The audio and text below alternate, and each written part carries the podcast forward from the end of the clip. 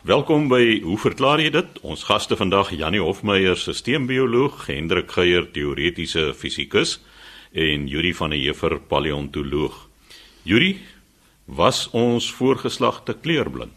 Chris, ja, dit uh, gaan daarom nou 'n bietjie verder terug as ons onmiddellike voorgeslagte. 'n Brief met 'n vraag van uh, Gerard Lesch van Atlantis sê ons voorgeslagte van 2000 jaar gelede was so te sê kleurblind. En Aristoteles praat van 'n driekleurige reënboog met pers, rooi en geel. En sy vraag is nou omdat ons soveel kleure vandag kan herken, het daar evolusie plaasgevind. Nou gewoonlik wanneer daar gepraat word van die Grieke, dan word daar gesê maar hulle het nie die woord of die kleur blou in hulle woordeskat gehad nie.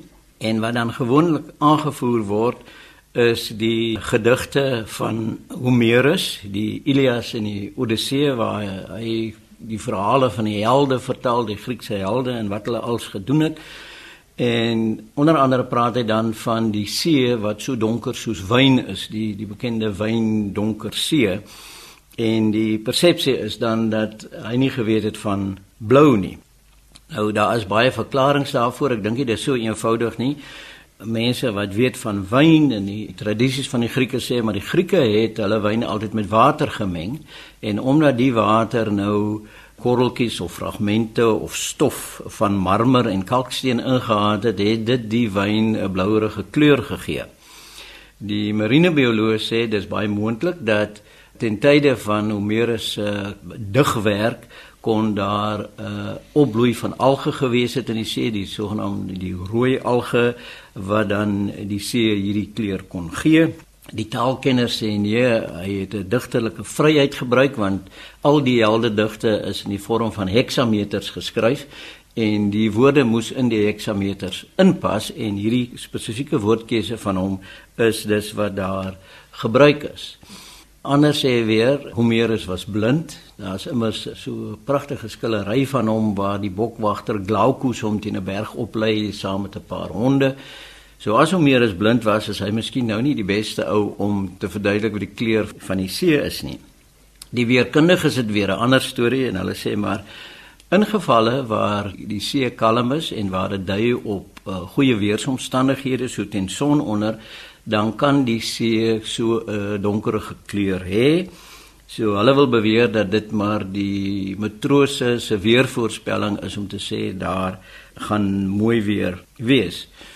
Nog ander mense sê maar as jy Homerus mooi gaan bekyk dan sien jy dat hy van die seegod Poseidon praat met blou wenkbroue en op 'n sekere punt gebruik hy ook 'n uh, woord wat uh, blou glas kan beteken. So uh, daar's 'n verskeidenheid opinies. Daar's nie sekerheid daaroor nie en as mense wat sê maar die Grieke het geweet van blou.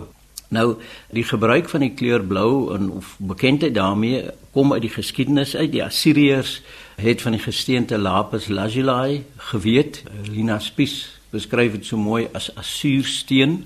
Jan F. Eselier praat ook sy gedig die vlakte van die blou lig as hierdie uh, alomwelwend asuur die blou. Die Assiriërs het daarvan geweet die Egiptenare het beslis daarvan geweet want hulle het kleur gebruik om uh, sekere kontekste te verduidelik. So blou het vir hulle uh, vrugbaarheid gesimboliseer wedergeboorte geboorte blou was die kleur van die Nyl geweest en ook vrugbaarheid en oeste gesimboliseer. Een van hulle gode Osiris, die sogenaamde oog van Osiris, dis in blou altyd uitgebeeld. So dit was baie bekend geweest en om te sê dat die die Grieke en ook die Romeine nie eintlik iets van blou geweet het nie. Julius Caesar, ek weet nie of hy dit self geskryf het nie, maar daar is verhale oor die Galliese oorloë wat hy gevoer het in Brittanje en daar is dele waar die mense van Kent in sy geskrifte beskryf word hoe hulle nou klere aangetrek het, velle gedra het, hulle gewoontes en dan ook hulle gewoonte om hulle gesigte blou te verf tydens gevegte om dan vreesaanjaend voor te kom. So die Romeine het geweet van blou.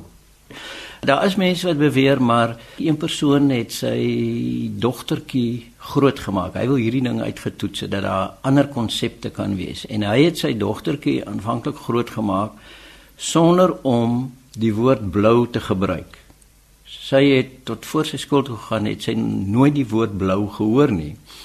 En uh, sy het 'n ander beskrywing vir die lig gehad. Sy kon nie blou in woorde omsit nie. So daar is mense wat dit sê dat hulle miskien 'n ander insig gehad het, maar ek dink nie dit kan wees. Dit is so dit is so 'n groot deel van die bestaan.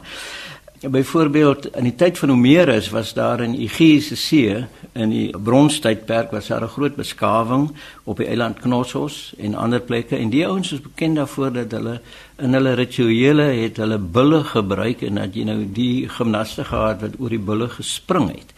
En hulle het letterlik tydens hierdie rituele soos ons in Afrikaans sê die bil by die horings gepak en dan met die ruk van die bil se kop het hulle oor die bil dan gespring of 'n salto oor die bil gemaak. En hierdie is alles aangeteken in muurpanele by die paleis van Knossos en dit is in blou. Die agtergrond van die bulle is in blou en daar's pragtige panele van dolfyne in die see wat in blou uitgebeeld word. En dit is 2600 jaar voor Christus. So ek dink nie daar was enige eh, probleem hiermee nie, maar ek dink wat die luisteraars ook gesien het is daar is 'n eksperiment wat onder die Himba bevolking van Namibië gedoen is. En hulle het byvoorbeeld 'n beeld vir hulle gewys waar daar sê maar 11 blokkies in 'n sirkel op die skerm verskyn het en uh, die 11 blokkies was groen en daar was een blokkie in daai reeks wat blou was. En hulle het met moeite die blou blokkie erken. Alhoewel hulle ongelooflik goed was om groen te herken en baie fyn skakerings van groen het hulle 'n bietjie gesukkel om die blou te identifiseer. Maar in teenstelling daarmee is daar al eksperimente in die toendra gedoen met 'n uh, Russiese bevolking wat hulle net die teenoorgestelde gekry het dat die mense in die toendra weer gesukkel het met die onderskeiding van skakerings van groen maar die blou het hulle baie duidelik herken. So ek sou graag vir die luisteraar wou sê dat as dit so is en as mense in afgeleë omgewings bly waar jy meer in aanraking kom of oorwegend in aanraking kom met sekere kleure, mag dit wees dat jou identifisering van skakerings nie so subtiel is nie. Daar's ook eksperimente wat gedoen is met kleure om te sien hoe dit in verskillende lande voorkom en daar's 'n verskil byvoorbeeld in Engeland en China waar in China waar rooi 'n baie prominente kleur is, dikwels by troues en die goed, is dit 'n kleur wat baie meer in gebruik is en baie meer sigbaar is terwyl in Engeland is pink en groen weer blykbaar kleure wat mense makliker herken. So as die verskynsels wel so is, soos wat daar genoem word, sou ek dit nie aan evolusie toeskryf nie. Ek sou dit toeskryf aan omgewing dat dit 'n uh, omgewingsverskille is wat mense soort van aan blootgestel word want as daar sulke verskille bestaan, dink ek het dit waarskynlik te doen met omgewingsfaktore. Jy dit ek wou 'n groot verskil maak hierso tussen wat mense goeters noem en wat hulle werklik kan sien. Ek meen wat jy kan sien in terme van kleure te genetiese basis. En daar kan verskille daar wees natuurlik. Jy kry verskillende soorte kleurblindheid, maar dit het alles mooi verduidelik op grond van die tipe van proteïene wat in jou oogkeeltjies en so voorkom in die stafies en die keeltjies. So ek meen dit gaan daaroor. Dit mag wees dat mense nie 'n woord het vir blou nie, maar hulle kan nog steeds die blou sien soos wat die die ligfrekwensie is, né? So vir die golflengte is. So ek dink mens moet 'n groot verskil maak tussen soort van 'n kulturele omgang met kleur en wat werklik die molekulêre basis van kleurvisie is. Ek dink jy is heeltemal reg want as ons hier nou so praat oor pers, ons weet daar's baie verskillende skakerings van pers, maar ons is nie in 'n omgewing waar ons moet baie duidelik onderskei tussen pers nie, maar as jy nou werk vir verfmaatskappy en jy produseer verskillende skakerings van pers of bruin of ligbruin, dan raak dit belangrik om al daai skakerings te herken want jou kliënte gaan miskien daarmee te doen hê of as jy 'n modeontwerper het, dan gaan jy waarskynlik baie meer sensitief wees vir verskillende skakerings. So sê Yuri van der Heever, ons paleontoloog, Janie Hofmeyer, sisteembioloog, jy's weer aan die kook Janie. Hoe werk die induksie kookproses? Chris, ja, ek is hier in die kombuis en hierdie slag is dit Pieter Gryiling met my daar sit. Hy vra: "Hoe werk 'n induksiestoof of induksieplate? Kan 'n mens gewone potte of panne op so 'n induksiestoof gebruik? Is die induksiestoof meer energiedoeltreffend as 'n normale stoof met elemente? En kry mens 'n oond wat met induksie tegnologie werk?" Pieter, dis vir my baie interessante aspek. Dis iets wat ek self bietjie oor opgelees het destyds toe ek my eie kombuis weer herontwerp het. Moet ek nou gaan vir induksie of moet ek gaan vir gas want ek was toe baie moeg vir kook met 'n elektriese plaat en nooit in my lewe sal ek dit weer doen nie. Dit is eenvoudig te moeilik om te beheer. Ek is nou op gas en julle sal later sien hoekom ek nou nie die induksie plate gekoop het nie. Maar dis 'n ontsettend interessante proses, baie baie effektief en ek gaan so 'n bietjie daaroor gesels. So, wat hy die induksieproses doen, dit verhit 'n stoofpot deur magnetiese induksie eerder as deur hitte-induksie deur 'n vlam of 'n elektriese element die stoofpot te verhit. En so die oppervlak van so 'n induksiestoofplaat is gewoonlik 'n keramiek glas oppervlak en onder die kookpot waar die kookpot staan is daar dan 'n koperspiraal waardeur daar 'n wisselstroom gestuur word. En dit lei dan tot 'n oscillerende magnetiese veld wat op sy beurt 'n magnetiese vloed deur die metaal van die pot veroorsaak sodat die pot herhaaldelik gemagnetiseer word. En hierdie herhaaldelike magnetisering gaan gepaard met die ontstaan van 'n sterk wat ons noem 'n wervelstroom. En as gevolg daarvan, as gevolg van die pot se weerstand, verhit dit dan hierdie wervelstrome verhit dan die pot. So een van die vrae is wat 'n soort kookgerei moet mense hê? Natuurlik dan moet dit kookgerei wees wat magnetiseerbaar is. Anders sal die proses glad nie werk nie. En induksiepotte is dus altyd gemaak uit een of ander ferromagnetiese materiaal soos byvoorbeeld vlekvrye staal of gietyster. As jy met aluminium of met glas of keramiek, dit gaan nie werk nie. Moet daai spesifieke kookgerei wees. So as mens wil gaan vir induksie tegnologie en jy het al die verkeerde tipe van kookgerei, dan beteken dit 'n geweldige ekstra koste om nou die korrekte metaalpotte te kry wat met induksie gepaard gaan. Maar meeste van van die potte wat mense in elk geval in jou kombuis het, sal gewoonlik werk. So daar is ook induksiestoofplate waar die ferromagnetiese skyf ook soos 'n konvensionele warmplaat gebruik kan word en dan kan jy natuurlik kookgerei wat uit koper of glas of, of aluminium of nie magnetiese vlekvrye staal uh, gemaak word. So jy gebruik of een of van die ander prosesse. Natuurlik dan nie die induksie tegniek nie, maar die gewone tipe van 'n verhitting, elektriese verhitting. Nou, kook met induksie het regtig 'n hele sous van voordele. In die eerste plek baie meer energiedoeltreffend as byvoorbeeld gas of of hitte elektriese verhitting. Maar natuurlik die energie eers in hitte omgesit moet word voordat dit die pot kan verhit. In die induksieproses word die hitte direk in die metaal van die pot gegenereer. So daar's 'n vermorsing van hitte in die ander metodes wat mens nie kry met induksie verhitting nie. Mens kan 'n bietjie vergelyk as mens gas kook byvoorbeeld, dan kry jy omtrent 40% van die gas se energie wat gebruik word om te kook en die res gaan as hitte verlore en mens kom net agter omdat jou kombuis so lekker warm word. As mens egter met induksie kook, benut jy ten minste 85% van die elektriese energie en daar's daar's dis 'n minimum. Daar's baie ander metings wat skat dat die induksie se energiebenutting hoër is as 85%. En die die ander ding is die onbenutte elektriese energie word ook nie as hitte vrygestel nie. Die ander voordeel is dat die verhitting eweredig gelyktydig deur magnetiese induksie in die pot versprei word, né? So dit is 'n baie effektiewe manier van verhitting. So dit maak dat dit baie akkuraat en vinnig beheer kan word. Min of meer soos wat mens met gas kan werk. Met gas kan jy ook die temperatuur geweldig vinnig verander. Maar natuurlik neem dit tyd om te versprei deur die materiaal van jou pot. Terwyl met 'n induksieproses is die hele materiaal van die pot onmiddellik of kouer of warmer. So jy kan die kooktemperatuur baie baie akkuraat beheer met met die induksieproses. Die ander punt is dat die kookoppervlak self word net deur die pot verwarm en dit word nooit baie warm nie. Dit is baie veiliger, dit is makliker om skoon te maak en dit kan nie maklik aanbrand nie. So jy het geen gebrande vingers meer nie, jy het nie aanbrandsels wat inbak in jou keramiek nie en jy het minder gevaar van klein handjies wat peter rondom jou stoof. Mens kan egter vra of daar nie gevare is nie. Dink nou daaraan dat jy is besig met jou hand hierso oor die plaat en jy het 'n metaalring aan jou vinger of jy het al 'n metaal armband om jou pols. Dit kan werklik so wees dat as dan nie een of ander proses is wat dit verhoed nie dat daai ding baie vinnig kan warm word, né, as die as die magnetiese veld aan is. So alle induksieplate het 'n veiligheidsmeganisme ingebou. Dit meet die hoeveelheid magnetiseerbare materiaal wat bo kan daai plaat is en as dit minder is as byvoorbeeld die van 'n klein stoofpot, dan skakel die masjien nooit aan nie. So as jy met jou ring of jou armband of met 'n met metaalkookgerei daar kom, is dit nie genoeg magnetiseerbare materiaal om die stoofplaat te aktiveer nie. So daai veiligheidsmeganisme is ingebou.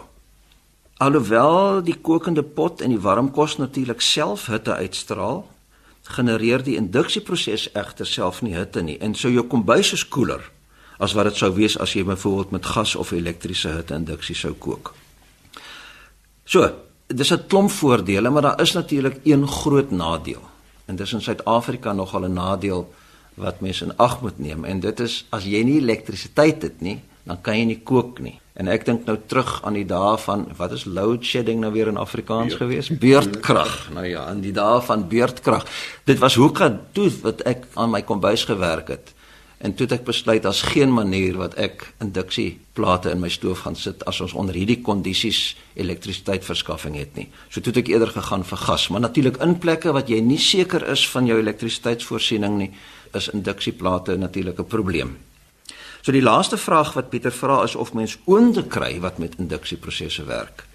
En ek het eers gedink ek sou nie weet hoe dit werk nie, maar ek het 'n klein bietjie rondgesnuffel op die internet en afgekom op 'n sogenaamde wat in Engels bekend staan as 'n countertop induction oven of 'n werkblad induksie oond. Die ding lyk so bietjie soos 'n mikrogolf oond, maar die hitteproduksie is blykbaar in die oond is as gevolg van induksie. Ek sien heeltemal seker hoe dit werk nie of dit nou die metaal die rand binne-in is, die wand van die oond wat deur induksie verhit word. Die inligting kon ek nie kry nie, maar dit word wel 'n induksie oond genoem maar daar was te min inligting oor hoe die affære werk vir my om werklik kan sê hoe dit nou vergelyk met 'n konvensionele oond. Maar natuurlik die advertensiemateriaal, die vertel 'n storie wat sê dis die beste ding wat nog ooit gemaak is, soos wat gewoonlik in advertensies beklemtoon word. So sê Janie Hofmeyer, sisteembioloog, laaste aan die beurt vandag en ons bly by gas en induksie en elektrisiteit.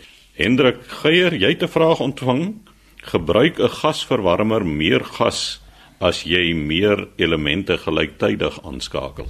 Dankie Chris. Die vraag waarna jy verwys kom van Tekste Swart. Ek dink 'n uh, redelik bekende naam hier op Stellenbosch veral in dagbreek geleedere en as ek nou so moet aflei aan sy e-posadres deesdae van Hermanus. Hy beskryf die gasverwarmer wat hy in sy woonplek gebruik en sê dan uh, om te bespaar wat hy nou voorlopig hier in aanhalingstekens gebruik sê hy gebruik ons tipies net die middelste baan en nou sy vraag of dit inderdaad so is dat as jy die tweede of derde van hierdie gaselemente neem aan luisteraars is bekend met die konstruksie dit is sulke plat oppervlakke wat by elke element is daar verskillende plekkies op die element waar 'n klein gasvlammetjie brand of vir mense dan inderdaad meer gas gebruik want sy vermoede is hy sê jy draai mos nie die gasklep groter nie en die gasstroom bly dieselfde. Nou teks ek is bevrees dis nou net hier by laasgenoemde wat jy die die pot wat Janie nou net op sy induksie stoof gebruik het mis sit want so 'n verwarmer soos by 'n gasstoof het 'n reguleerder 'n drukklep reguleerder wat reageer op aanvraag. So as jy op jou stoof uh, meer van die gasbranders gebruik of as jy 'n spesifieke gasbrander hoër laat brand, word daar meer gas gelewer en presies dieselfde gebeur by jou gasverwarmer. Om die waarheid te sê, ek het nagegaan op die internet maar uh, van die bekende handelsname wat hierdie gasverwarmers bemark verskaf baie spesifieke inligting oor die gasgebruik. Byvoorbeeld een noem dat as jy een paneel gebruik word daar 90 gram gas per uur verbrand vir twee panele 175 en vir drie panele 265. Nou dis vir my interessant dat die verskil tussen 2 en 3 is presies ook 90, so ek weet nie hoekom twee panele nie 180 gram gebruik nie. Miskien het iemand nie mooi somme gemaak of akkuraat gemeet nie, maar ek dink die boodskap is baie duidelik. Uh, jy gebruik proporsioneel meer gas na mate jy meer van hierdie elemente in aksie stel. Chris, dan 'n volgende vraag het by my via jou uitgekom anoniem op die RSG se webblad aangebring. Dit is 'n persoon wat wil weet, dis nou na aanleiding van die brand in 'n hoë woonstelgebou in Londen onlangs, waarom dit nie ook soos met die geval in New York destyds in 2001 by die sogenaamde Twin Towers hoekom hierdie gebou in Londen nie ook ineengestort het nie. Die persoon spreek die vermoede uit dat die Londense gebou sekerlik net soveel hitte veroorsaak het wat die kernstruktuur kon laat smelt soos aangevoer is vir die Twin Towers. Nou, ek dink daai aanname is nie korrek nie, Chris. As 'n mens gaan kyk, daar is natuurlik 'n amptelike ondersoek en 'n verslag deur die Nasionale Instituut vir Standaarde en Tegnologie van die Amerikaanse regering wat 'n uh, lywige verslag hieroor geskryf het, maar die twee hoofoorsake wat hulle geïdentifiseer het vir waarom daardie geboue uiteindelik in mekaar gestort is, is tweeledig. Die een was die direkte impak van die vliegtye op die struktuur wat van die ondersteuningskolomme van meet af aan beskadig het en te gelykertyd van die vuurvaste isolasie wat om die staal konstruksie uh, aangebring is beskadig het. En natuurlik tweedens 'n baie belangrike aspek en dit bring ons by die kwessie van of die vuurtemperatuur inderdaad vergelykbaar kon wees. Moenie vergeet nie en dit word ook in die verslag uitgewys dat die groot hoeveelheid van die vliegtuig brandstof wat onmiddellik daar ontplof het, jy weet die temperatuur tot ongeveer 1000 grade laat styg het in 'n baie kort tydjie. Die verslag van hierdie Nasionale Instituut vir Standaarde en Tegnologie gaan voort om te sê dat alhoewel daardie temperatuur nog nie naaste by by die smeltpunt van die staal is nie die is omtrent by 1500 grade Celsius is dit wel so dat die staal dermate versag by 1000 grade dat jy ernstige strukturele verswakking daarmee teweeggebring het. Maar hulle maak verder die punt dat die struktuur so ontwerp is dat onder gravitasie 'n spesifieke vlak die gewig van 6 ander vlak, uh, ekskuus 12 ander vlakke onder statiese omstandighede kan dra. Met ander woorde, as jy nou net na 'n spesifieke verdieping as dit ware van die destydse Twin Towers sou kyk, was die kolomstruktuur wat al daai goed in stand gehou het sodanig dat dit 'n verdere 12 verdiepings sou kon dra. Maar in die geval van 'n dinamiese aksie, met ander woorde waar jy iets laat val op daai struktuur, word dit drasties verklein na ongeveer 6 verdiepings en dit was juis omtrent die boonste 6 of so verdiepings van elkeen van daai geboue waar die struktuur dermate verswak is dat hulle eintlik ingeplof het en as dit ware op die onderste goed begin val het en daar was dan uiteindelik die domino effek van vloer na vloer na vloer wat eenvoudig onder daai gewig ingetuimel het. Dis interessant om op te let dat in die verslag word daar verwys na 'n vermoede wat destyds lyk my uh, sterk gepropageer is dat daar bewuste afstandsbeheerde ontploffings in die gebou sigbaar was. Mense het verwys daarna dat daar op die verskillende vlakke sistematies wit stofwolke by die vensters uitgepeel het. Die verklaring daarvoor was dat dit nie lokale nuwe ontploffings was nie, maar eenvoudig as dit ware so van 'n suier effek van die goed wat besig is om in te val wat eenvoudig die debris, stof en ander goed by die openinge uitgepomp het en dit sien 'n mens vloer na vloer na vloer. So die kort antwoord aan die persoon wat die vraag gestel het is die twee situasies is nie direk vergelykbaar nie en alhoewel daar natuurlik groot skade aangerig is aan die gebou in Londen, het die temperatuur beslis nie tot vergelykbare temperatuur gestyg wat aangevuur is deur die teenwoordigheid van die groot hoeveelhede vliegtuigbrandstof nie. En daar was ook nie strukturele skade wat hierdie gravitasie effek as dit ware aan die gang gesit het wat die Twin Towers in mekaar laat stort het nie. So sê Hendrik Geier, ons teoretiese fisikus, skryf gerus aan ons by hoe verklaar jy dit? Posbus 2551 Kaapstad 8000 of stuur 'n e-pos aan chris@rsg.co.za